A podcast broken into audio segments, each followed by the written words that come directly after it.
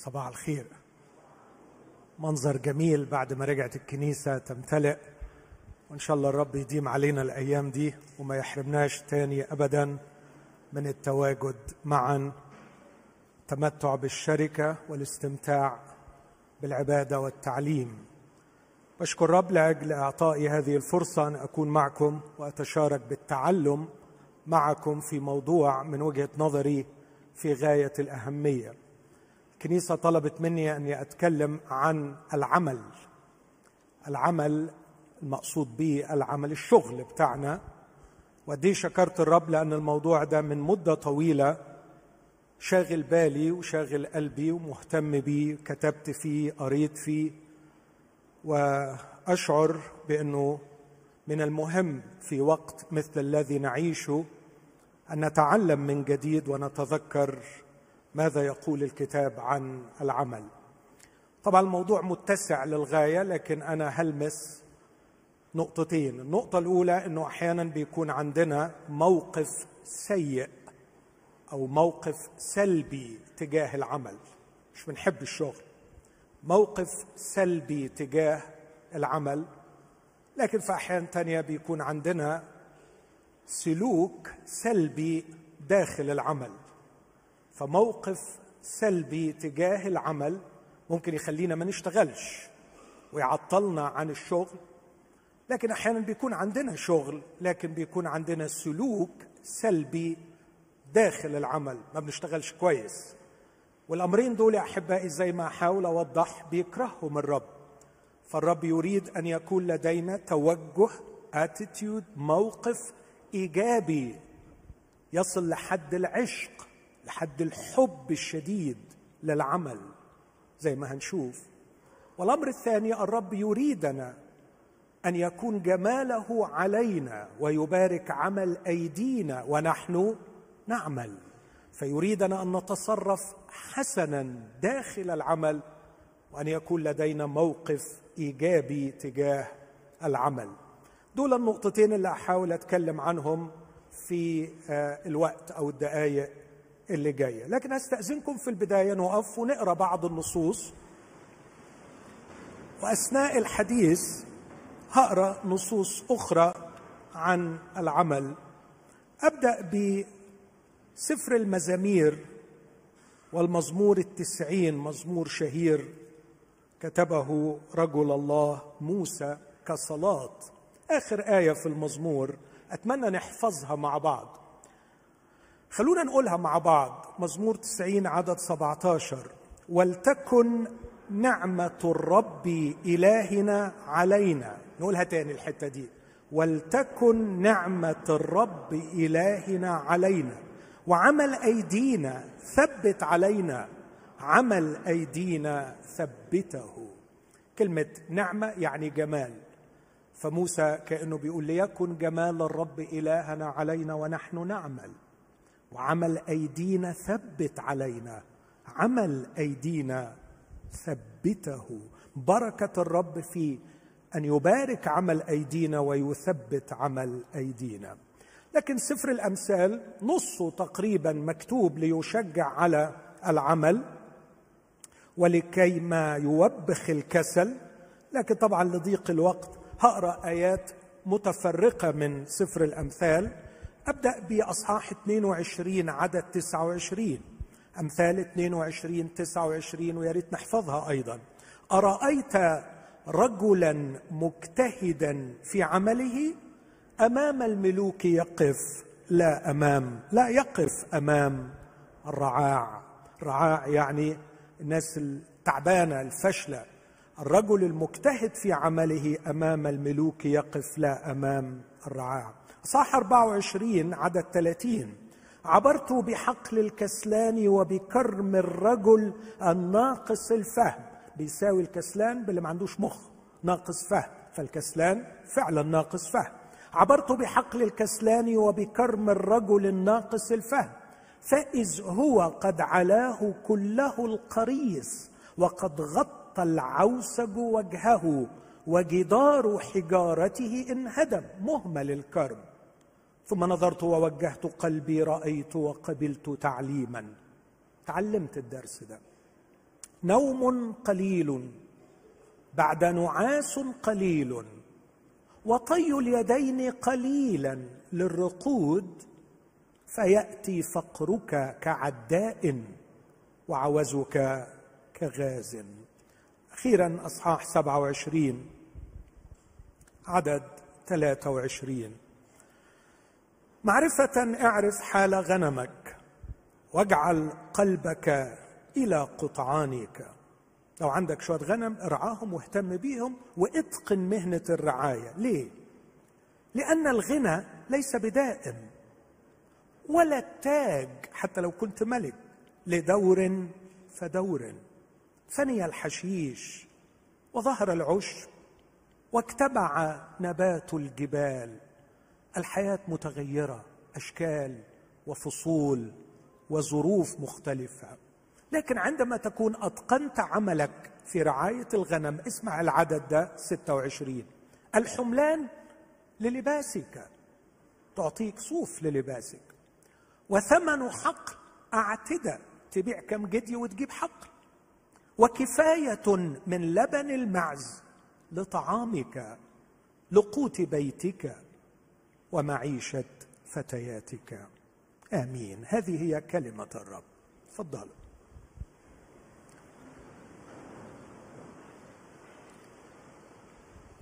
علشان أصحح الموقف السلبي تجاه العمل نحتاج إلى لاهوت صحيح تجاه العمل.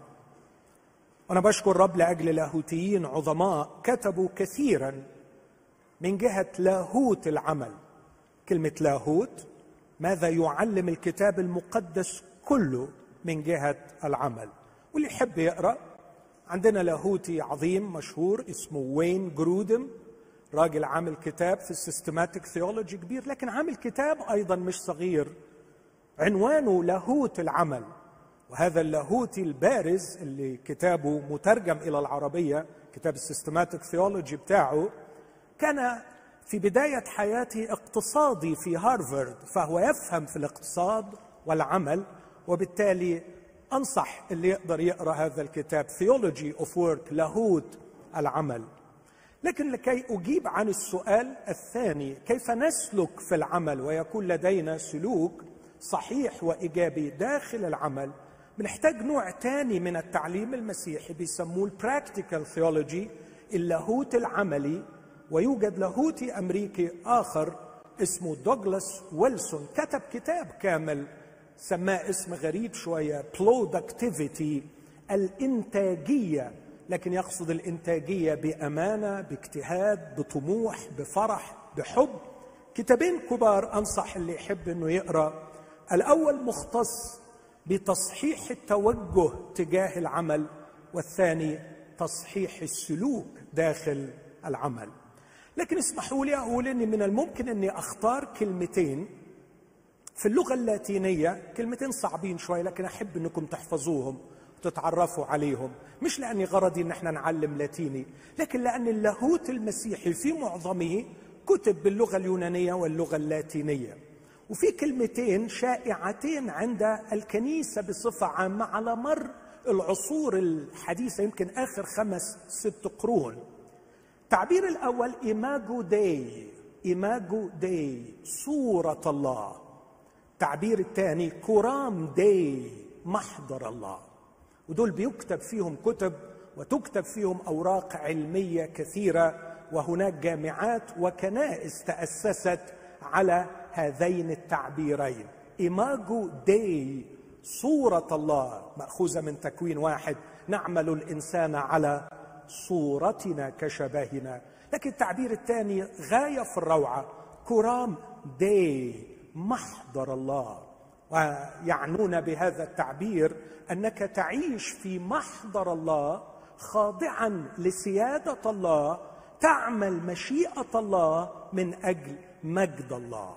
أعتقد أنه إذا فهمت ماذا تعني الإيماجو دي أني شخص مخلوق على صورة الله سيتصحح مفهومي تجاه العمل.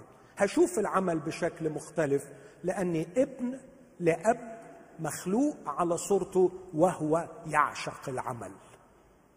أب بيحب الشغل. من أول صفحة في الكتاب المقدس لم نرى الها كسولا جالسا على محفة يخدم ويعبد لكننا رأينا الها عاملا. عاملا. رأينا الها خالقا. رأينا إله يحول الفوضى إلى نظام.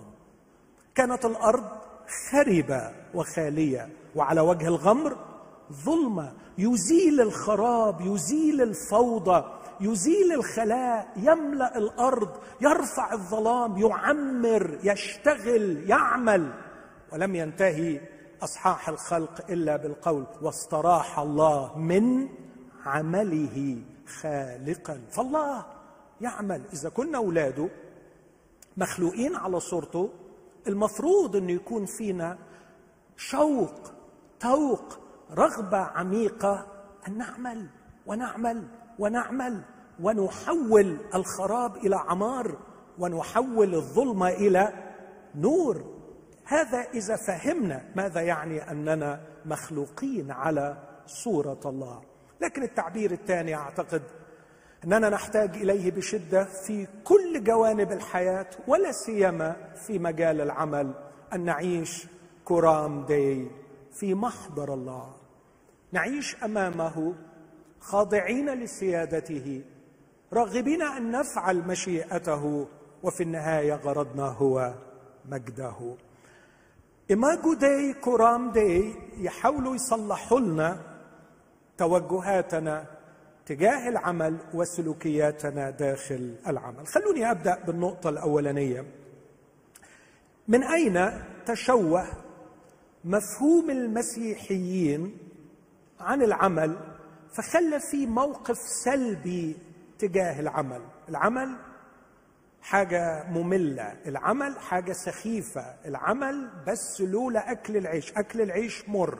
لولا إني محتاج الفلوس ولا كنت أبدا أفكر في الشغل. كتير من الناس اللي بيشتكوا من العمل أقول له إيه رأيك لو دبرنا لك مبلغ من المال كل شهر وما تشتغلش أبدا؟ آه، في الأول لأول وهلة يتبسط لكن بعد كده يتنبه إنه ده عرض مؤذي وليس عرض صالح.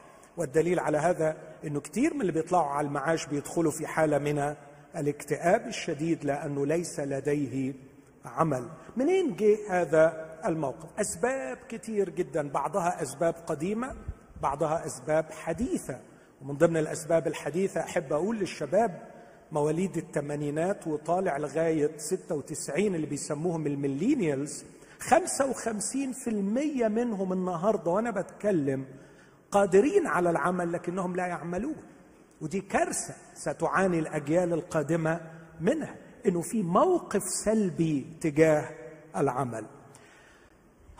هلفت النظر إلى موقف تاريخي ثم موقف لاهوتي؟ الموقف التاريخي إنه في العصور التي سادت فيها الكنيسة كان لها موقف سلبي تجاه العالم بصفة عامة فالعالم جاهل. والعالم شرير والعالم ساقط. طب والحل؟ الكنيسة تسود عليه. وعندما تسود الكنيسة عليه سوف تصلح حاله وسوف تصلح حاله من خلال الدين ومن خلال فرض الوصايا. واستمرت أوروبا تحت سلطة الكنيسة ألف سنة ولم تجني إلا مزيدا من التدهور.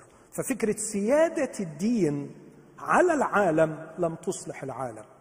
جاء الإصلاح البروتستانتي والحقيقة عمل ثورة في مفاهيم كثيرة ومن ضمنها كانت هناك ثورة في مفهوم المسيحيين عن العمل.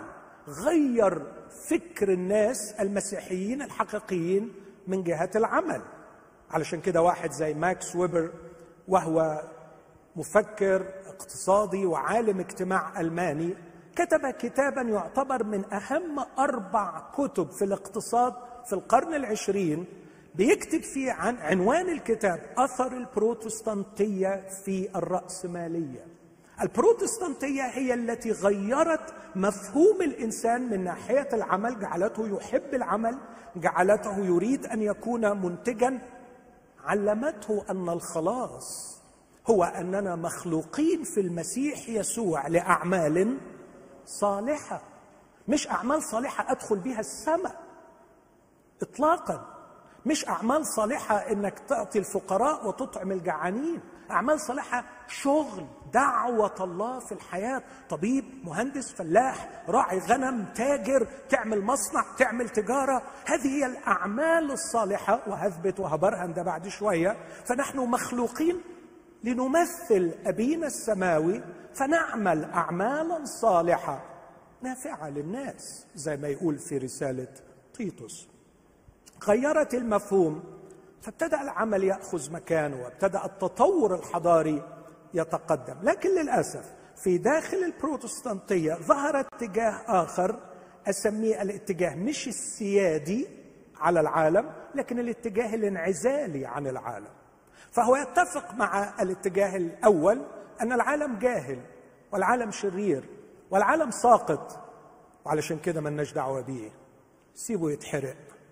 إحنا هيجي المسيح وياخدنا للسماء وملناش دعوة بالدنيا. طب والشغل؟ خلينا نقضيها أي حاجة لغاية ما المسيح يجي. لكن إحنا عارفين إنه السماوات والأرض سوف تزول وإن الأرض والمصنوعات التي فيها سوف تحترق. فما دام محروقة محروقة ما تضيعش وقتك فيها. الحقيقة هذا التوجه اسمحوا لي أقول توجه مرعب. والغريب جدا إنه لا يتفق مع هذا التوجه إلا توجه الإلحاد الإلحاد الحقيقي المتسق مع ذاته إن العالم كله سيبتلع في ثقب أسود فيلقي بالناس في حالة من العدمية واللامبالاه اذا الاتجاه السيادي على العالم اتجاه مدمر وخاطئ الاتجاه الانعزالي اتجاه مدمر وخاطئ والاثنين دول أثروا على ما أسميه إنتاجية المسيحي. إنتاجية المسيحي ما عادش الطبيب المسيحي أشطر طبيب ما عادش الطبيب ما عادش المهندس أشطر مهندس ما عادش الفلاح بيجود من نفسه ما عادش صاحب العمل ال business man بيعمل أفضل ما عنده بسبب إنه العالم ده شرير وأهم حاجة الدين ونهمل العمل وكأن العمل ليس من المنظومة الروحية أو إنه العالم هيتحرق وإحنا مش من هذا العالم. الموقف الصحيح هو ما يسمى الموقف لا السيادي ولا الانعزالي لكن الافتدائي. فالله وكنيسته منخرطة في العالم الجاهل والشرير العالم الساقط لكي تصنع شيئا صالحا في وسط هذا العالم. تفتدي تفتح بيوت تعمر أدمغة تعمل مدارس جيدة تعمل مستشفيات صحيحة تعمل بزنس مظبوط تطلع أفضل نوع من العمل. أنا أعمل مع الله يقول يسوع. أبي يعمل حتى الآن وأنا أعمل. وكان يسوع يقول يصنع خيرا ويشفي جميع المتسلط عليهم.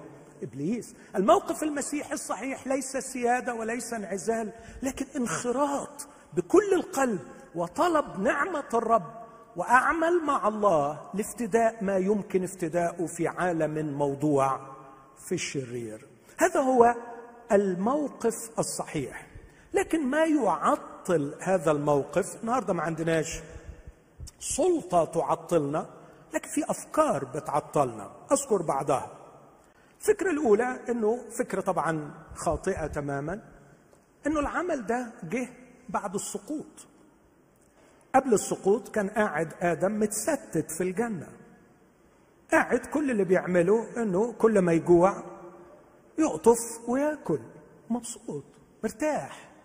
وكل ما واحد يتعب في الشغل يقول منها لله حواء لدرجة أن كتبوا ترنيمة زمان حواء يا حواء أنت سبب البلوى أنه طلعتينا من الجنة وخليتينا نشقى ونعرق ونشتغل. هذه مفاهيم غبية لا علاقة لها بالكتاب المقدس. أخوتي الأحباء اسمعوني من فضلكم. لا علاقة للعمل بالسقوط. هقول تاني. لا علاقة للعمل بالسقوط.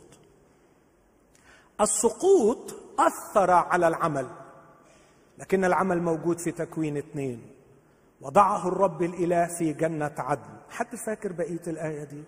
وأوصاه أن يعملها ويحفظها. شغلتين مش شغلة واحدة. يعملها ويحفظها. لكن أكثر من كده يتكلم اللاهوتيون عن أصحاح واحد في سفر التكوين. مرسوم الخلق. نعمل الإنسان على صورتنا كشبه. يلحقه مباشرة ما كتب فيه كتب عن مرسوم آخر اسمه مرسوم الحضارة مرسوم الحضارة. عندما باركهم الرب وقال لهم اخضعوها وتسلطوا عليها اخضعوها. أخضع لهم سمك البحر أخضع لهم طير السماء أخضع لهم حيوان البر. والسؤال كيف يخضعوها؟ بدون اختراع أدوات تمكنهم من السيادة عليه كيف يخضعون البحر إن لم يخترعوا القارب والسفينه والباخرة؟ كيف يسيطرون على الأرض إذا لم يخترعوا الاله وراء الاله وراء الاله ويبدعوا لقد خلقه على صورته خالقا. خلقه على صورته مبدعا. خلقه على صورته محبا لاستخراج شيء من شيء. هو يستخرج الشيء من لا شيء. لكن الإنسان مخلوق على صورة الله ليخرج الشيء من شيء يستلم المادة الخام ويخرج منها شيئا وأشياء ويستمتع بعمل يديه ثم يصلي قائلا لتكن نعمة الرب إلهنا علينا وعمل أيدينا ثبت علينا وعمل أيدينا. ثبت. بارك يا رب عمل يدي واجعل جمالك علي وأنا أنجز عملي بكل إتقان لأني مخلوق على صورتك. أمرين رتبهم الله للبشر في تكوين اثنين قبل السقوط العمل والزواج. أول أمرين فسدوا بعد السقوط هما العمل والزواج. اقرأ تكوين ثلاثة. تكوين ثلاثة أول شيء فسد هو الزواج. وتاني شيء فسد هو العمل. بعرق وجهك تأكل خبزك. متى تعود تعمل الأرض؟ لاحظ الكلمة. متى تعود تعمل الأرض؟ لا تعود الأرض تعطيك قوتها. في في معاناة. إذا ما جاء بسبب السقوط ليس العمل. ما جاء بسبب السقوط المعاناة أثناء العمل. والمعاناة أثناء العمل مش مجرد إن الأرض بتطلع شوك وحسن الحقيقة البشر اللي بنشتغل معاهم بيطلعوا شوك وحسن فالمعاناة الحقيقية هي مع رؤساء ومع مرؤوسين ومع عمال ومع زباين ومع تجار. في صراع عنيف بسبب السقوط الناس بقت طماعة بقت شريرة بقت عايزة تستغلك عايزة تنهبك بقت عايزة تزيحك عايزة تطفشك. وعليك أن تصارع لكي تجد لنفسك مكانا في أرض ملعونة. تنتج شوكا وحسك. إن الشوك والحسك من الأرض ومن الناس ليس مبررا على الإطلاق أن ننسحب من سوق العمل ونجلس في بيوتنا في انتظار جنة أو انتظار أبدية سعيدة. لكن علينا أن نخوض. حاملين الحضور الإلهي متمثلين بإلهنا الذي أخرج النظام من الفوضى الأرض كانت خربة وخالية لكنه اشتغل وعمل وأخرج أجمل شيء من أسوأ شيء. الأمر الثاني اللي بيخلي العمل محتقر اسمعها كثير من الشباب أحيانا. يجي لي يقعد معايا ويقول لي يا دكتور ماهر أنت يا بختك بتخدم ربنا. آه، بصراحة الشغل بتاعك ده ليه معنى لكن أنا أنا قاعد آه، بعمل برامج كمبيوتر ولا قاعد ببيع في محل. إيه إيه معنى الشغل بتاعي؟ إيه معنى الشغل بتاعي؟ كل يوم أفتح المحل وأقفل المحل كل يوم أفتح المحل وأقفل المحل كل يوم أروح المدرسة أرجع المدرسة كل يوم أروح المستشفى أرجع المدرسة. يا سلام على الخدمة. الخدمة جميلة قوي خدمة حلوة.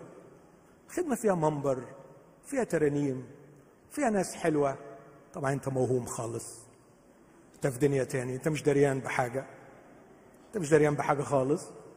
لكن هناك تصور حالم وهمي إنه عمل الرب هو العمل داخل أسوار الكنيسة. عمل الرب هو العمل داخل أسوار الكنيسة.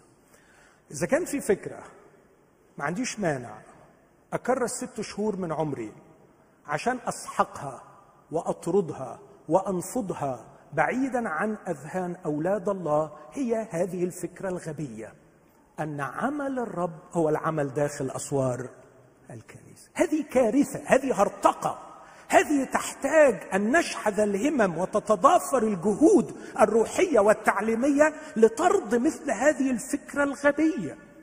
نفسي نفسي نفسي أوصل لكل شاب وشابة. واحد بيشتغل waiter في مطعم واحد بيشتغل كاشير في محل واحد بيشتغل office boy بيعمل شاي وقهوة. نفسي أقنعه أن ما تعمله هو عمل الرب عمل الرب. كيف أقنع بهذا؟ طبعا دي تحتاج وعظة لوحديها. لكن خلوني أقول آخر آية في أصحاح القيامة أصحاح مجيء المسيح العظيم. علشان اللي بينادوا بالانعزالية بسبب مفهوم خاطئ لمجيء المسيح. آخر عبارة هي كالآتي. اذا يا اخوتي الأحباء كورنثوس الأولى 15 وآخر عدد في الأصحاح.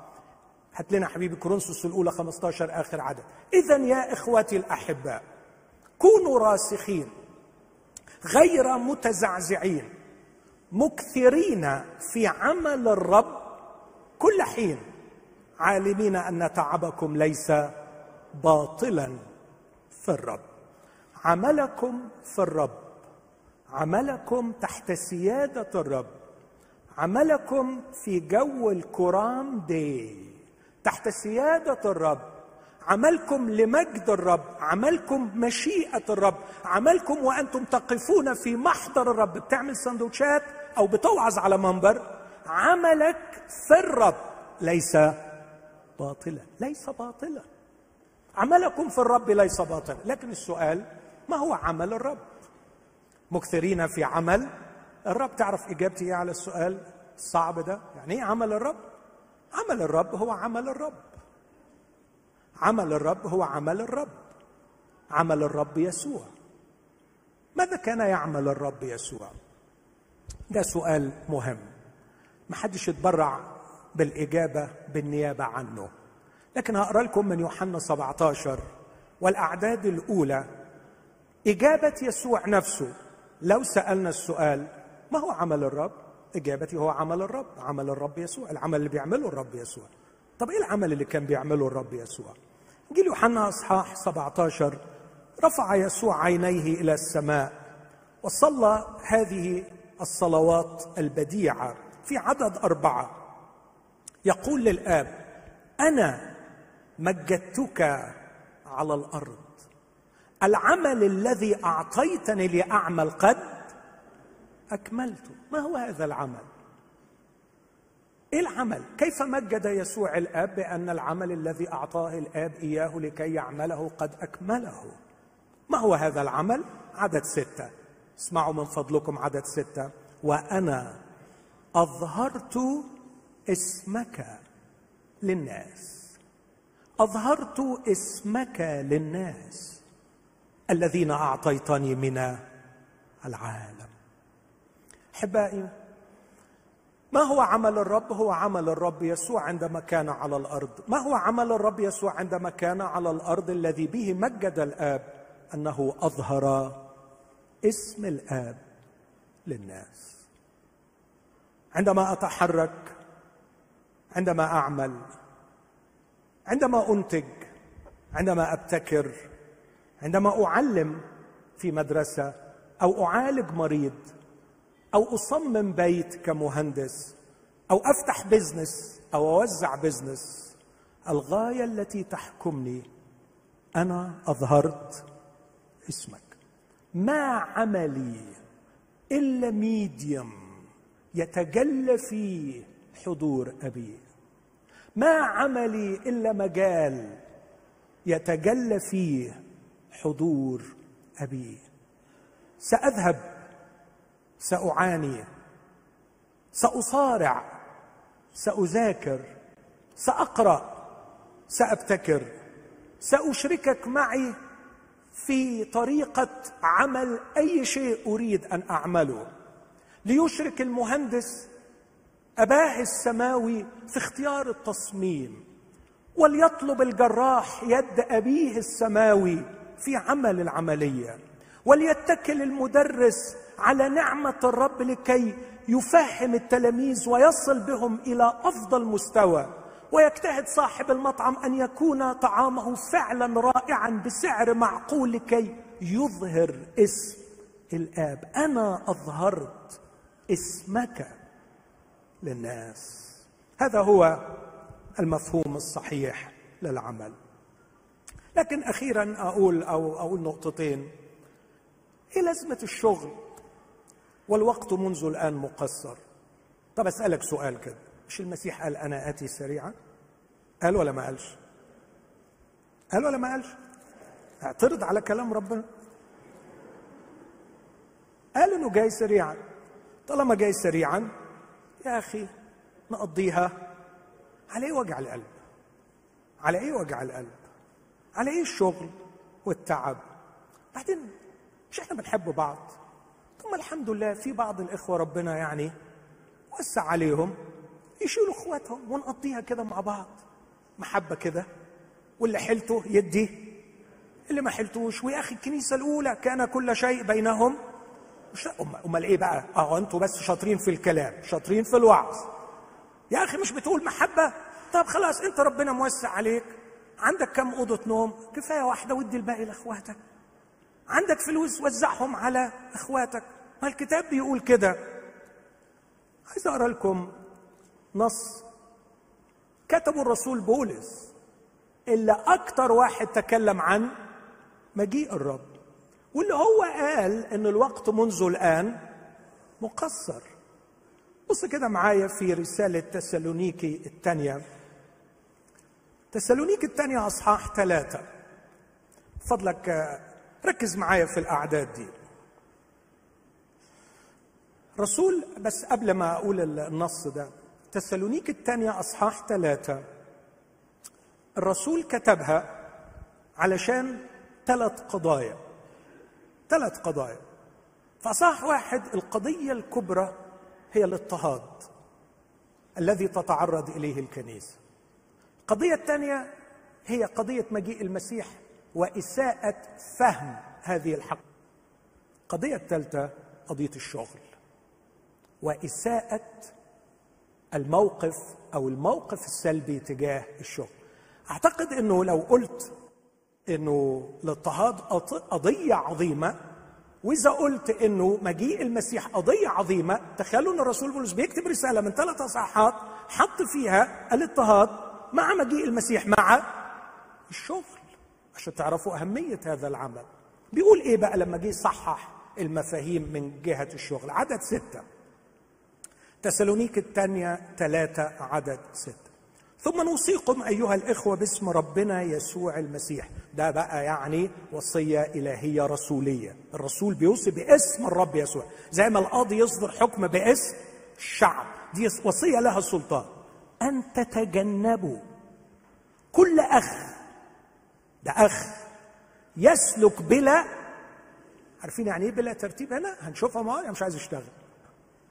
مش عايز يشتغل. تعرف ليه مش عايز يشتغل؟ عشان المسيح جاي. تعرف ليه مش عايز اشتغل عشان إخواتي بيحبوني والمفروض يشيلوني. أمال إيه يعني؟ أمال هي محبة كده اونطه بالكلام؟ تتجنبوا مش تتجنبوا فاعل الشر. مش تتجنبوا الزنات. تتجنبوا كل أخ مش عايز يشتغل.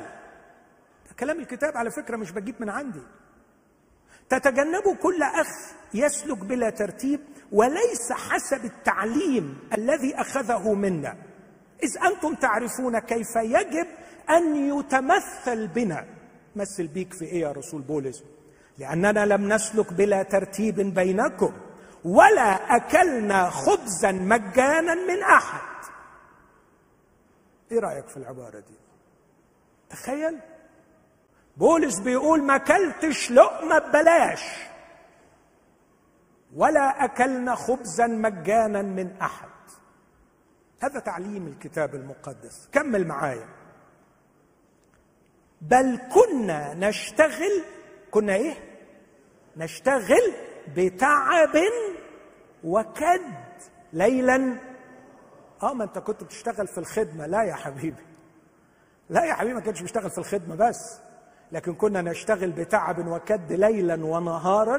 نهار يا حرام عمال يدور في الأسواق يكرز وبالليل قاعد يعمل خيام.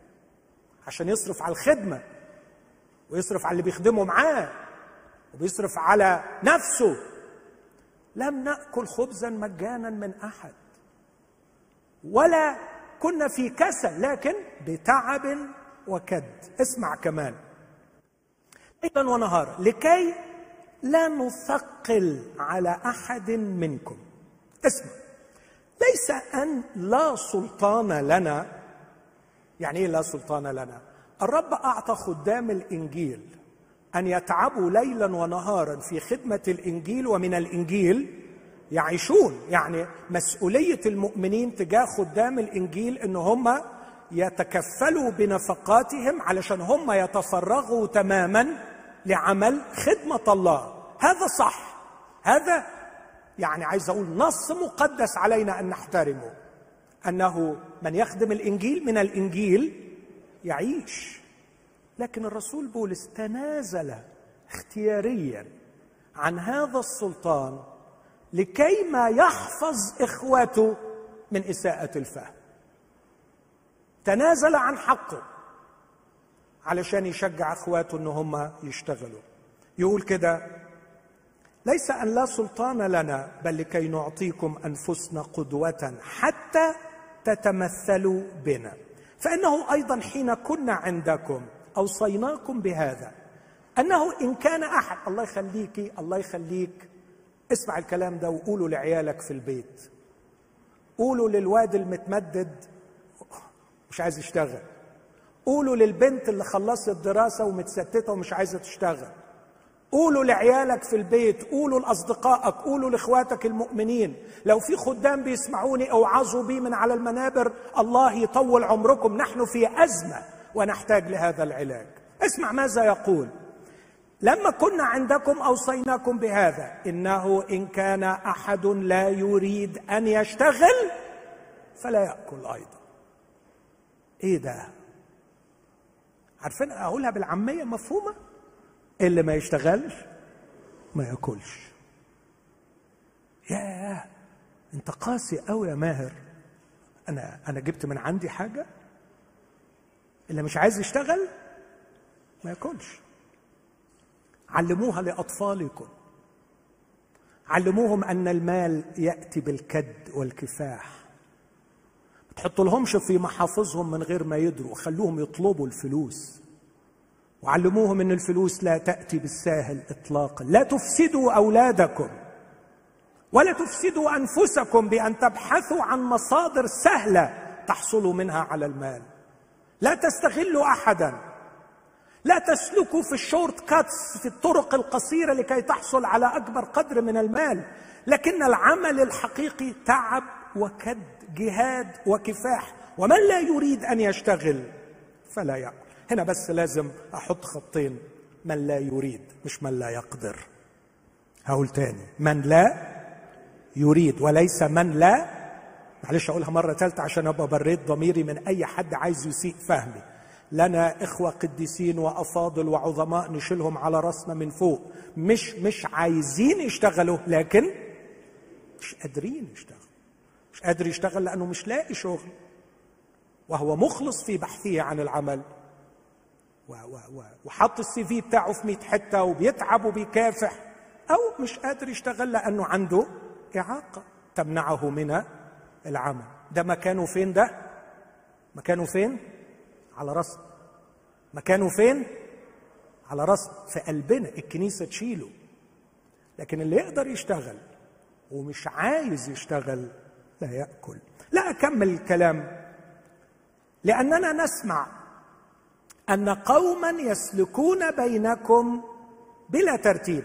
آه، فاكرين لما قلت يعني إيه بلا ترتيب؟ تتجنبوا كل أخ يسلك بلا ترتيب. يعني إيه بلا ترتيب؟ يعني مش بيلخبط الصف في القعدة يعني في الكنيسه لكن يسلك بلا ترتيب يعني إيه؟ اسمع العبارة. ولا يشتغلون شيئا بل هم فضوليون. يعني إيه فضوليون؟ يعني يعزم روحه. يعزم روحه. يعزم روحه عندك أو يعزم روحه على جيبك أو يعزم روحه على بيتك. لا يليق بالمسيح إنه يكون فضولي. لابد أن يكون المسيحي عزيز النفس يحترم الآخر ويحترم جيب الآخر ويحترم بيت الآخر ويحترم وقت الآخر.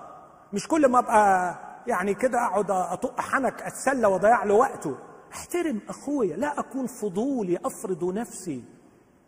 يسوع كان نفسه يدخل مع تلميذي عمواس البيت علشان يكمل الوعظة الرائعة بتاعته. صح؟ فاكرين؟ كان نفسه. فاكرين تلميذي عمواس؟ كان يسوع ماشي معاهم وقلبهم إيه؟ ها؟ مولع وهو عمال يشرح لهم. بس أول ما وصلوا عند البيت يسوع عمل إيه؟ حد فاكر؟ تظاهر أنه منطلق إلى مكان أبعد. عشان أخلاقه حلوة. عشان عزيز النفس. لا لا لا مش هاجي. الوقت متأخر ما ينفعش دلوقتي. بس فاكرين التلميذين عملوا إيه؟ حصراه كونستريند يعني واحد من هنا واحد من هنا قالوا مش هنسيبك. ما تدخلش بيت إلا إذا اتعزم عليك بقوة. تفرضش نفسك على حد وإلا تبقى طبقا لتوصيف الرسول شخص إيه؟ فضولي. إنهم لا يشتغلون فضوليون. اسمع فمثل هؤلاء نوصيهم ونعظهم بربنا يسوع المسيح. بص غلاظة الوصية. أنا ما سمعتوش بيقول نوصيهم ونعظهم باسم ربنا يسوع أن يمتنعوا عن الزنا. قول امتنعوا عن الزنا وخلاص. لأنه الزنا معروف إنه غلط. بس في حاجات بتبقى ساطل مخفيه ممكن الناس تستمرئها لنفسها. فعشان كده غلظ الوصية. نوصيهم ونعظهم بربنا. يا أخي بشاهد عليك الرب يسوع. أن يشتغلوا بهدوء ويأكلوا خبز أنفسهم. يأكلوا خبز أنفسهم. اللقمة هتحلو في بقك لما تبقى لقمتك خبزك جايبها بوجعك وتعبك. يأكلوا خبز أنفسهم. أما أنتم أيها الإخوة بص الجمال هنا. فلا تفشلوا في عمل الخير. اوعوا عشان في بعض الإخوة الفضوليون اللي مش عايزين يشتغلوا وبيعزموا روحهم على جيبك وعلى بيتك تروح انت عامل إيه؟ ها؟ تعمل إيه فايز؟ يقفل خالص. خلاص بقى. لا بقى لا بقى أنا مش ملطشة ويروح قافل. لا اوعى. اوعى تفشل في عمل. إيه عمل الخير؟ من شوية قلت إن في إخوة لينا نحطهم فين؟ على راس نعمل معاهم الخير لأن دول مش مش عايزين لكن مش قادرين مش لاقيين. لا تفشلوا في عمل الخير. وعلى فكرة عمل الخير اللي هتعمله مش بتعمله وخلاص هتاخد أجرته حبيبي. يعني مش ببلاش. فلا نفشل في عمل خير في مكان تاني يقول لأننا سنحصد في حينه إن كنا لا نكل. بس اسمع بقى. يرجع تاني للفضوليون. وإن كان أحد لا يطيع كلامنا بالرسالة فسموا هذا. سموا هذا يعني تكلموا مع بعض بدون حكم وإدانة لكن باتخاذ قرار فلان يسلك بلا ترتيب. طب نعمل إيه؟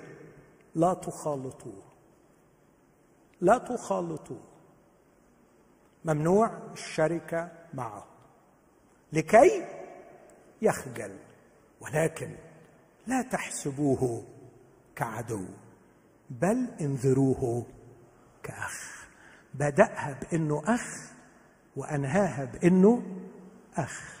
ومع هذا قال تجنبوه لا تخالطوه انذروه. أسأل سؤال ده حب ولا قلة حب؟ هم أختين اللي ردوا عليا. هقول تاني. إن نعمل كده مع ابني الفضولي مع أخويا الفضولي مع المؤمن الفضولية. نعمل كده. ده حب ولا قلة حب؟ حب. حب ونص. واللي ما يعرفش إن ده حب يبقى عمره ما ربى. عمره ما ربى ولاد تربية صحيحة. لأن لو بحب ابني مش اديله القرش لكن أعلمه يعمل القرش. الحب الحقيقي لابني مش كل ما يحلم أعطي لكن أضغط وأحاول وأعلم وأنذر علشان أطلعه راجل يعرف يجيب القرش. عشان اطلعها بنت جدعة قادرة على الاعتماد على نفسها في عالم شرير تحتاج أن تكون واثقة من نفسها ومن ربها وأن تسلك سلوكا صحيحا في هذا العالم لأنها ترى نفسها فتاة منتجة قادرة على العمل. هذا حب مش قلة حب. آخر شيء بيغير مفهومنا أو يخلي عندنا موقف سلبي تجاه العمل هو فهم خاطئ للطموح. للطموح. آه مش عايز آخد وعظة يعني كلاسيكية عن الفرق بين الطموح والطمع والكلام ده. لكن عايز أقول يا أحبائي هقول آية من رومية اثنين هات لي من فضلك رومية اثنين عدد سبعة. أو عدد ستة. رمية اثنين ستة ركزوا معايا في الآية دي من فضلكم. يقول الله الذي سيجازي كل واحد حسب أعماله. اسمع. أما الذين بصبر في العمل الصالح يطلبون المجد والكرامة والبقاء يجازيهم بالحياة الأبدية. اسمع الآية دي واللي كاتبها الرسول بولس بتاع التبرير بالإيمان وليس بالأعمال. بس عشان تفهم معنى الكلام ده مظبوط طبعا ده عايز وقت طويل أشرح فيه. بس على الأقل ركز في الآية دي وروح دور على تفسير ليها وإن كنت هدي لك مفتاح صغير. أما الذين بالصبر في العمل الصالح الناس اللي سيكينج طول الوقت يطلبون يطلبوا ثلاث حاجات. يطلبوا المجد يطلبوا الكرامة يطلبوا البقاء. الناس دول ربنا هيجازيهم بالحياة الأبدية. أما الذين من أهل التحزب ولا يطوعون للحق بل يطوعون للإثم هيجازيهم بإيه؟ سخط وغضب شدة وضيق على كل نفس إنسان يفعل الشر اليهودي أولا ثم اليوناني. هنا لا يتكلم اسمعوني يا أحبائي عن طريق التبرير. عن طريق لا التبرير بالإيمان. متبررين مجانا بنعمته الاصح اللي بعدها على طول. لا يتكلم عن طريق التبرير لكنه يتكلم عن سمة المبررين. الناس المتبررين اللي تصلحوا مع ربنا إيه أكتر علامة تميزهم؟ اسمع. انهم بصبر perseverance باستمرار بثبات. في العمل الصالح بيطلبوا ثلاث حاجات. يطلبون المجد يطلبون الكرامة يطلبون الخلود. إيه الجمال ده؟ طب عايزك تتخيل واحد بيحلم بالمجد والكرامة والبقاء. عنده طموح ده ولا ما عندوش؟ طبعا. وبيطمح عاليا. بيطمح للأشياء العظيمة إنه يطلب المجد. اطلب المجد. اطلب الكرامة. اطلب الخلود لما تعمله. لا يكون عملك عملا فانيا. سليمان يقول جعل الأبدية في قلوبهم التي بلاها لا يدرك الإنسان العمل الذي يعمله. يعني مش عارف إذا كان العمل اللي بيعمله ده ليه قيمه ولا ملهوش. لأنه العمل اللي ليه قيمه هو العمل اللي ليه قيمه ابديا. عندما يأتي المسيح ويجازي كل واحد حسب أعماله في أعمال كثيره إيه اللي هيجرى لها هتتحرق. لكن في أعمال باقية. فأنا أطلب لعملي ومن عملي المجد والكرامة والبقاء. واحد يقول لي لا أنت لخبطتني. نطلب المجد. يا حبيبي الكتاب بيقول إن الخطاة أعوزهم مجد الله. والرب يسوع قال لليهود أنتم بتطلبوا مجد بعضكم من بعض والمجد الذي من الإله الواحد لستم تطلبون. يعني المجد الوحيد اللي المفروض تطلبوه ما بتطلبوهوش. خليني ألخصها في كلمتين. لو حاولت أطبق فكرة معينة في ذهني على قواعد اللغة العربية. الجملة الفعلية في فعل وفي فاعل وفي مفعول إحنا دايما بنركز على الفعل بس ما بركزش على الفاعل ما بركزش على المفعول. تعالوا نطبق القاعدة دي. الفعل أطلب المجد. من هو الفاعل؟ أنت. إيه أخبار قلبك؟ هل تطلب المجد علشان تتفشخر على الناس وتسود على الناس؟ ولا علشان تخدم الناس؟ الفاعل أهم من الفعل أنا عايز أتجوز. جواز غلط؟ لا مش غلط بس هو مين ده اللي هيتجوز؟ يهمني قوي أسأل هو مين ده اللي هيتجوز. يعني يهمني يعرف يحب مثلا ولا ما يعرفش؟ آه الجواز صح بس لو ما بتعرفش تحب ما ينفعش إنك تتجوز. لو انت مشغول بنفسك ما ينفعش تطلب المجد. لكن عندما تتحرر من نفسك اسمعني يسوع يقول له أنا مجدتك على الأرض والآن مجدني مجد ابنك. علشان يمجدك ابنك أيضا. عندما يعطيني مجد لأنه الشخص بقي صح يستعمل المجد صح في مفعول به صح. تطلب المجد لايه وهتعمل بيه إيه؟ مين انت اللي بتطلب المجد وبتطلبه علشان إيه؟ الطموح في العمل بركة وعمل بدون طموح سوف يفشل. والله ما بيحطناش في أعمال علشان نقفلها أو عشان نفشل فيها لكن الله حطنا في الأعمال علشان ننجح فيها. بس لو إحنا في العمل بتاعنا بدون طموح نرتقي ونرتقي ونرتقي. تذكر من سنين طويلة كنت بشوف حلقة في برنامج كان زمان البرنامج ده قديم اسمه البيت بيتك وكان آه، المذيع أو الإعلامي مستضيف طبيب بيجي كل سنة مصر آه، باستدعاء من رئاسة الجمهورية يعمل شوية عمليات مجانا وكان الطبيب ده راجل في عمليات معينة باسمه مسجلة وفي آه، يعني كتب الجراحة معروفة عمليات باسمه الدكتور كمال منصور. كان ليه كرسي باسمه في جامعة إيموري كجراح في الصدر. آه، فكان بيسأله بيقول له أنت بتعمل كل ده حبا في مصر؟ مش كده؟ قال له طبعا لكن في سبب تاني. الراجل ده كان عنده 82 سنة ساعتها. أن يدي هذه ليست ملكي. والعلم الذي حصلته ليس ملكي. هو نعمة من إلهي وايماني يعلمني أنه ينبغي أن أستعمل يدي في فعل الخير وأن أشارك تلاميذي بما تعلمته. وأنا قاعد أسمع ذهلت من روعة الإجابة. قدرت أوصل كلمته في التليفون قلت له أنا حابب أدعيك. بعد ما تعرفت عليه لمؤتمر من الأطباء الشبان تقول لهم خبرتك في الحياة. وبكل محبة واتضاع جاء هذا العالم الجليل لمجموعة من الأطباء الشبان. ولا أنسى ابدا بعد ما عرض عليهم كم من النجاحات اللي ربنا أكرمه بيها في جامعة إيموري في جورجيا. قال لهم I have to be the best of the best of the best because I am for Christ. ينبغي أن أكون أفضل الأفضل الأفضل لأني للمسيح.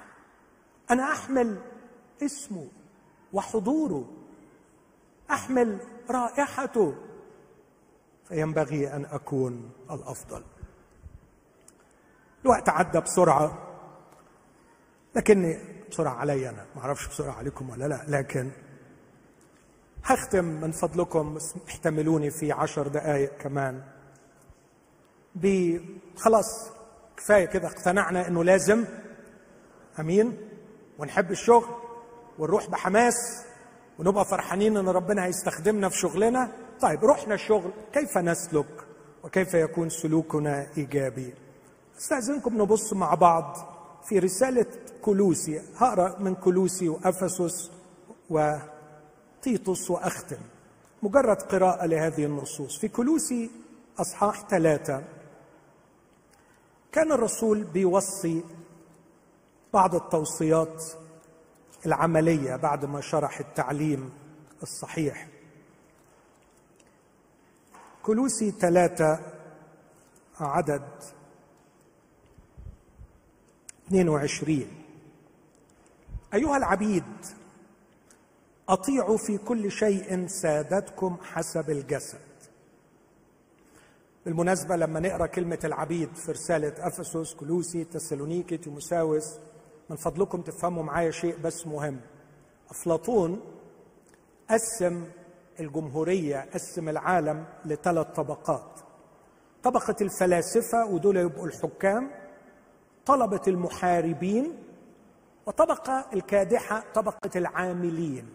دول كانوا العبيد. فلما بيوجه رسالة للعبيد ما يقصدش بالمفهوم اللي جالنا من الأفلام عن اللي بيربطوا رقبتهم بالسلسلة وياخدوهم من أفريقيا لكن اللي هم بيشتغلوا بيشتغلوا. أرسطو غيرها شوية خلاها طبقتين طبقة الفلاسفة الحكام اللي قاعدين يفكروا وطبقة الشغالين وقال دول السادة ودول العبيد. فكلمة سادة وعبيد ما ناخدهاش بالمفهوم السينمائي بتاع العبودية في أمريكا والكلام ده. لكن ناخدها بمفهوم الطبقة العاملة أوكي؟ واضح؟ يبقى لما نقرأ العبيد يعني بنكلم الطبقة العاملة. أيها العبيد أيها العاملين أطيعوا في كل شيء ساداتكم. هنفهم بقى ساداتكم هنا بمعنى إيه؟ مش سيدو لكن صاحب الشغل. أطيعوا ساداتكم حسب الجسد لا بخدمة العين كمن يرضي الناس بل ببساطة القلب. خائفين الرب. يا سلام نفسي أحفظ وأردد هذه الآيات. لا بخدمة العين يعني خدمة العين يعني إيه؟ يعني يشتغل كويس طول ما أنت واقف على راسه حد مجرب النوع ده من العمال؟ ما يعملش الشغل صح إلا إذا كنت المسيحي عيب عليه إنه يعمل كده. المسيحي عيب عليه إنه ما يشتغل بخدمة العين. ولو راح صاحب الشغل يكروت. ما ينفعش. لا بخدمة العين كمن يرضي الناس بل ببساطة القلب خائفين الرب. مش خايف من صاحب الشغل لكن خائف الرب. أول سلوك صحيح أن تعمل عملك في خوف الرب. أن تعمل عملك في خوف الرب. يعني إيه؟ يعني بإتقان. تعمله بإتقان في خوف الرب. أحبائي يوم الحد ولا يوم الاثنين رايحين الشغل. أتمنى أن الآيات دي تصحبكم. اعمل الشغل وكأنك واقف قدام الرب بخوف الرب بخوف الرب. ببساطة القلب يعني ما يبقاش قلبك متني يبقى قلبك انفولدد يعني مش في وش توريه لصاحب الشغل وفي وش من ورا اللي انت بتمشي بيه. لا واضح شفاف اللي هتعمله قدام صاحب الشغل هو اللي بتعمله من وراء ظهر صاحب الشغل. فبإتقان الأمر الثاني خائفين الرب وكل ما فعلتم اسمع فاعملوا من القلب. يعني الأولانية ببساطة القلب لكن دي اعملوا من؟ من القلب كما للرب وليس للناس. في فرق بين إنك تعمله خائفا الرب تعمله ببساطة القلب لكن الأمر الثاني إنك تعمله من القلب وكما للرب من القلب يعني بكل حماسك بكل خلينا أقول فرح بكل حب. استعمل حب لأنك بتعمله لمين؟ للرب. تخيل. تخيل إنك بتصلح حاجة وأنت بتصلحها بتصلح تليفون مثلا فاتح محل تليفونات في أي حتة كده. وجالك واحد يقول لك صلح لي التليفون اعتبر نفسك إن التليفون ده بتاع مين؟ تخيل تخيل. بتصلح ترابيزة بتصلح شباك بتصلح باب بتصلح ماسورة كأن البيت ده هو بيت الرب. كما للرب وليس للناس.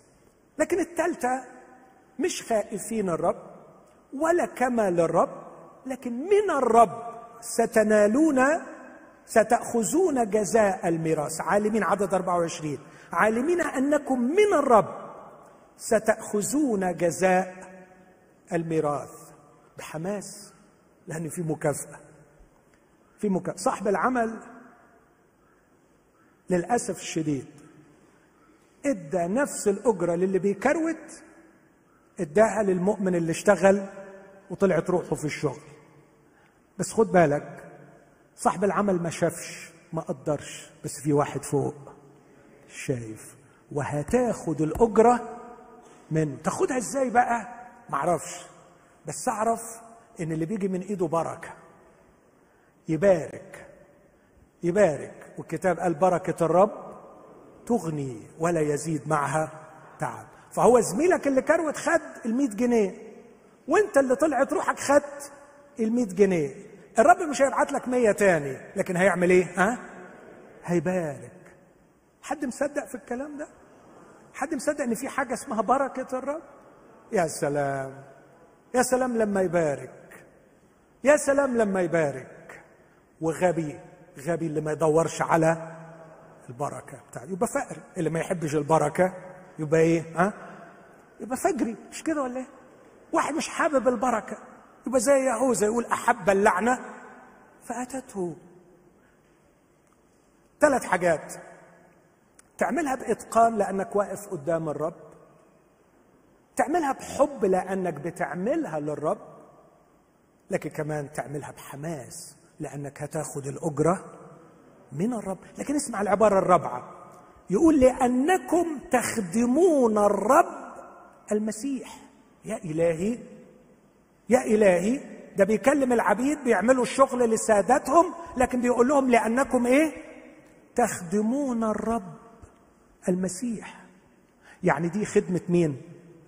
يعني النجارة بتخدم فيها مين؟ ولو سباك بتخدم الرب ولو طبيب خادم الرب. لا لا لا خدام الرب هم بس اللي بيوعظوا. خدام الرب هم بس اللي بيرنموا. لا يا احبائي ها هنا نص قاطع جامع مانع. من يعمل عمله هو؟ يخدم الرب المسيح فأعملها بفخر.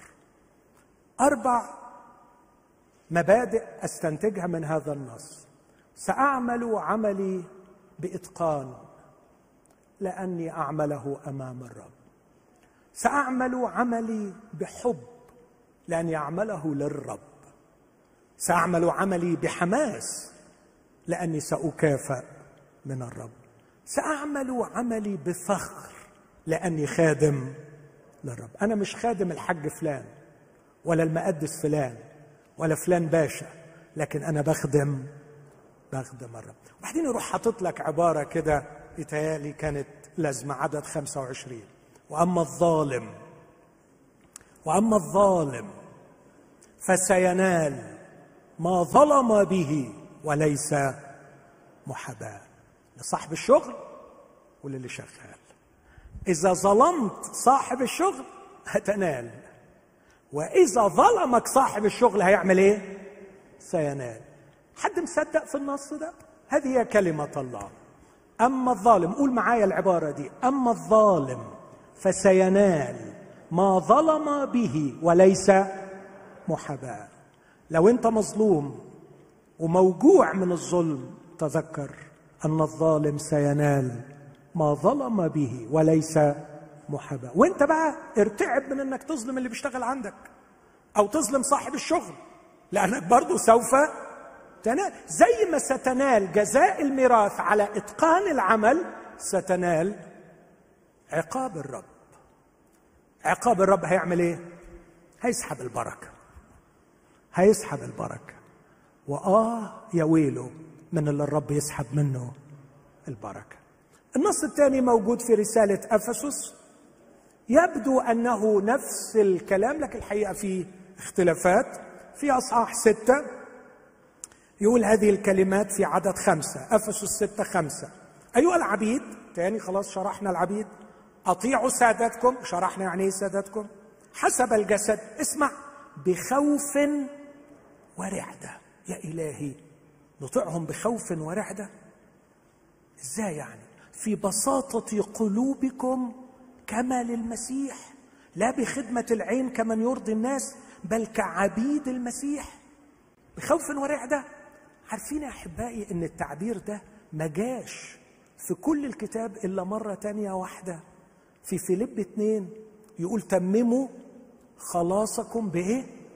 بخوف ورعدة مرة تاني بس يقول هنا أطيعوا سادتكم بخوف تقديس. كما أني أتمم الخلاص بتقديس الخلاص. الخلاص شيء مقدس وعلي أن أتمم خلاصي بخوف ورعدة علي أني أعمل عملي بخوف ورعدة بإتقان بحب بحماس بفخر بتقديس. بتقديس. يعني وانت رايح الشغل انت رايح منطقة مقدسة. أمين؟ رايح منطقة مقدسة. لكن بعدين يقول عاملين مشيئة الله من القلب. ما نفعله هو مشيئة الله وبالتالي أنا أفرح. هذه هي مشيئة الله. كثير من الشباب يسألني السؤال ده من 30 سنة. كيف أعرف مشيئة الله؟ أقول له بتشتغل؟ يقول لي آه. أقول له أعمل شغلك كويس. هذه هي مشيئة الله. بتشتهي؟ خلي بالك من النجاسة لأنه مشيئة الله إرادة الله هي قداستكم عيش بقداسة اعمل شغلك كويس. هذه هي مشيئة الرب. عاملين مشيئة الرب من القلب. هذه هي مشيئة الله. لكن أيضا يقول هذه الكلمات الجديدة. عالمين أن مهما عمل كل واحد من الخير فذلك يناله من الرب. عبدا كان أم حرا. هنا دي تساعدني في حاجتين. تساعدني إنه في اختيار نوع العمل إنه بيعتبر إن العمل اللي أدخل فيه واختاره لازم يكون بيسبب خير. عالمين أن كل واحد مهما عمل من الخير سيناله من الرب. يعني ما ينفعش تدخل في تجارة أو تعمل نوع من الشغل ما فيهوش خير للناس. ما ينفعش. فكر فيها. ما ينفعش. طالما إنه ما فيهوش خير. يعني لو هتبيع له دخان ما ينفعش. لأنك مش بتعمل لخير. شوف لك شغلانة تاني تاجر فيها. مهما عمل كل واحد من الخير. لكن كمان أنا بشوفها بتحل لي إشكالية. أي واحد أي واحد حتى لو ملهوش أي علاقة بالرب لو عمل الخير الرب سوف يكافئ لأنه مهما عمل أي واحد كل واحد من الخير فذلك يناله من الرب عبدا كان أم حرا. في أكتفي بكده علشان الوقت لكن أختم وأقول اسمعوني أحبائي إذا كان الكتاب في تسالونيك الأولى خمسة يقول صلوا بلا انقطاع. طول الوقت في حالة صلاة. إذا كان الكتاب بيقول لنا في كورنثوس الأولى عشرة إن أكلتم كورنثوس الأولى عشرة واحد وثلاثين إن أكلتم أو شربتم أو فعلتم شيئا فافعلوا كل شيء لمجد الله. لمجد الله. كلوسي 3 17 يقول مهما عملتم من قول أو فعل فاعملوا الكل باسم الرب يسوع شاكرين الله الآب به. لاحظوا الثلاث آيات. أنت بتصلي على طول بلا انقطاع. أنت كل حاجة بتعملها حتى الأكل والشرب لمجد الله. أنت المفروض أي حاجة بتعملها في حياتك بتعملها باسم الرب يسوع مش يعني تقول باسم يسوع قبليها. لكن باسم الرب يسوع اون بيهاف فم يعني ممثلا له. ممثلا ليسوع. إذا كانت الثلاث مبادئ دي غالية عليا فكيف لا يكون العمل هو مجال خدمتي للرب وإكرامي للرب؟ ففي العمل سوف أصلي بلا انقطاع أي أن قلبي مرفوع للرب طول الوقت. وفي العمل في العمل سوف أمجد الله وفي العمل سوف أعمله باسم الرب يسوع. وأيضا يقول الكتاب في رومية 12 قدموا أجسادكم ذبيحة حية مقدسة مرضية عند الله عبادتكم العقلية. إذا قال لي قدم جسدك فكل مكان أتحرك فيه بجسدي هو مذبح. هقول تاني إذا قال لي قدم جسدك فعيادتي هي مذبح. وهذا المنبر بالنسبة لي مذبح. والمحل بتاعي هو مذبح. وهناك أقدم تقدمه للرب. أقدم حياتي للرب. إذا قال لي قدموا أجسادكم ذبيحة للرب فينبغي انه كل مكان أتواجد فيه هو مذبح. هناك سأقدم ذبيحة للرب. هي عملي بجسدي. يقضي الإنسان في حياته تقريبا متوسط 150 ألف ساعة في عمله. وهي تقريبا 40% من عمر الإنسان. تخيل لو أنت بتقضي الأربعين في المية دول بعيد عن محضر الله بعيد عن المذبح. الحياة بؤس. حياة بؤس. قال ويليام تمبل رئيس أساقفة كانتربري لا أعرف خطية. أبشع من خطية إبعاد الله عن الأمر الذي يستحوذ على معظم ساعات يومنا ومعظم سنين عمرنا ألا وهو شغلنا. هقول تاني علشان يمكن العبارة صعبة. وليام تبل هقولها بالعامية. ما عرفش خطية أبشع من خطية إنك تطلع ربنا بره شغلك. ليه؟ لأنه شغلك بياخد معظم ساعات يومك وبياخد معظم سنين عمرك. لو طلعت يعني إيه طلعت ربنا بره شغلي؟ يعني إحنا ربنا بنقابله في الكنيسه الحمد لله مش مقصرين. جمعة صباحا حد مساء يعني آه، مؤتمرات. الحمد لله يعني مش مقصرين. طب والشغل؟ لا الشغل ده شغل. الشغل ده شغل. إذا لم تتحول أماكن عملنا إلى مذابح تصعد من عليها رائحة سرور للرب. فنحن نرتكب أبشع خطية. خلونا نقف مع بعض ونسكب قلوبنا أمام الرب. ونطلب من الرب توبة حقيقية عن أي توجه سلبي من نحو العمل وأي سلوك سلبي داخل العمل. إماجو دي كورام دي أنا على صورته أنا في محضره. قولي العبارتين دول قولهم في قلبك. أنا على صورة أبي وأنا في محضر أبي. ما هروح الشغل؟ سأحمل حضوره سأمثله سأفعل مشيئته. وفي داخل العمل مهما كانت السخافة سخافة الأجواء. مهما كانت الكراهية المحيطة بي. مهما كانت المخاطر المحدقة بي. ما يحاك لي في الخفاء ولا أعلم عنه شيئا. قد اجتمعوا لكي يجدوا علة عليه وهو لا يعلم.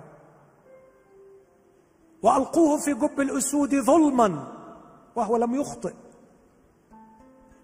لكن إله أرسل ملاكه وسد أفواه الأسود لأنه وجد بريئا قدام إلهه. سأعيش في محضرك وأتمم رسالتي على صورتك أحمل حضورك وأتمم مشيئتك.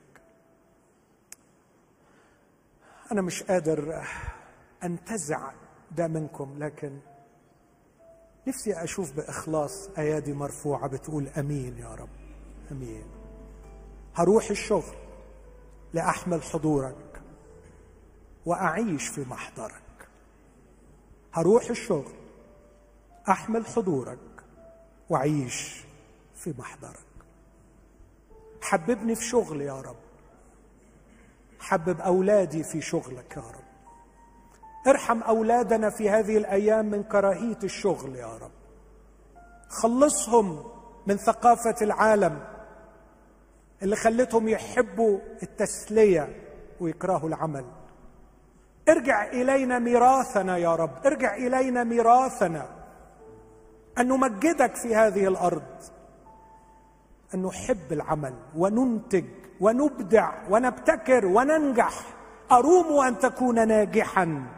في كل شيء. اعترف بخطية الكسل. ارفض خطية الكسل. قليل نوم قليل رقاد. يأتي فقرك كعداء عوزك كساع كغازي. ارفض الكسل. قوم قوم واجتهد. ارفض انك تعمل الشغل بدون تعب واتقان. ارفض هذه الخطية. عين الله تراك وتراقبك. هي دعوة للتوبة الحقيقية أمام الرب. لكي نعود ننتشر بين الناس نحمل عبير المسيح النجار المجتهد المبدع الذي كان يقول يصنع خيرا. في كل يوم بشوف أمور كلمت قلبي فيها من سنين. فاكر في يوم أمسك يقول أنا راجع تاني وهنهض ملايين. ربي ويخلي قلبي يرجع يعيش لمجدك من جديد. أنهض هقول هرجع هتوب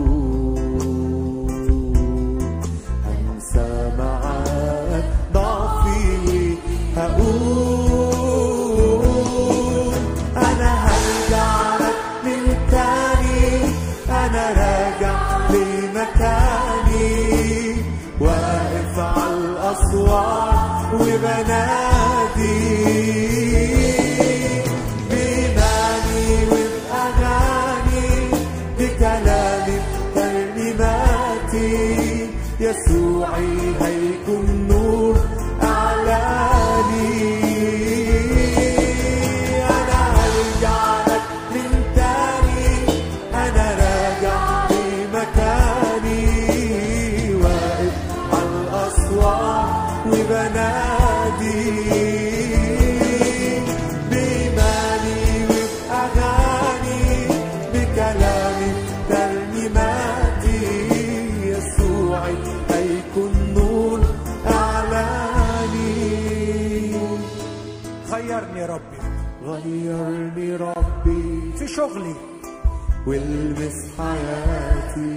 علشان الناس في الشغل علشان الناس تشوف فيا يسوع. أيوه مش بس مش لسان بس لساني. أمين يا رب. أو امين كلماتي.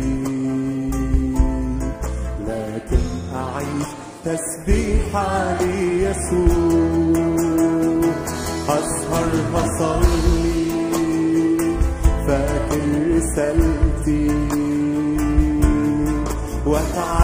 وأتعلم ربي تاني الانتظار وأحيا شهادة نسحب إرادة. وتفيض حياتي دايما بالثمار. أنا هرجع لك من تاني أنا راجع لمكاني. الأسوار وبنادي بإيماني وبأغاني بكلامي ترنيماتي يسوعي هيكون نور أعلاني. أنا هرجع لك من تاني. أنا راجع لمكاني. واقف على الأسوار وبنادي. بإيماني وبأغاني بكلامي ترنيماتي يسوعي هيكون نور أعلاني. هنرنم العدد الثاني مرة تاني غيرني ربي. بس قبل ما نرنمه نفسي أقول كلنا مشتاقين إن ربنا يعمل عمل عظيم في بلادنا. آمين؟ عايزكم تفكروا في حلين. نصلي ونصرخ لربنا ونفضل مهملين في أشغالنا غير أمناء في حياتنا. وحل تاني ان هنطلع ومن النهارده كل واحد هيبقى نور في مكانه وفي مكان شغله. إيه اللي هيغير البلد وايه اللي يغير الحال. نحن نقعد نصلي ونصرخ ونقول له غير وإحنا قاعدين في خطايانا والعك بتاعنا وعدم الأمانة في أشغالنا. أكيد ده الأسهل. الأسهل إن كل واحد يفضل في اللي هو فيه ما يتوبش ما يتقدسش ما يتغيرش ما يعملش شغله بإتقان وحب وحماس وفخر وطاعة. الأسهل. هنيجي نصلي ونقول له غير. لكن الحل الثاني واللي هيشتغل بنعمة الرب غيرني أنا وأروح أنا في مكان عملي. أبقى نور أحمل اسم المسيح ورائحة المسيح. خلونا نقولها من القلب وإحنا عاقدين العزم إن أماكن شغلنا هتشوف ناس جديدة بنعمة الرب وتشوف توجهات جديدة وأخلاق جديدة وأنماط جديدة من السلوك في العمل. فنحبب الناس في العمل حوالينا ونحطم ثقافة سيئة مضادة للعمل. غيرني ربي. غيرني ربي والمس حياتي علشان الناس تشوف فيا يسوع. مش بس لساني أو كلماتي. لكن أعيش تسبيحة ليسوع. أسهر هصلي باكر رسالتي. وأتعلم ربي تاني الانتظار. وأحيا شهادة.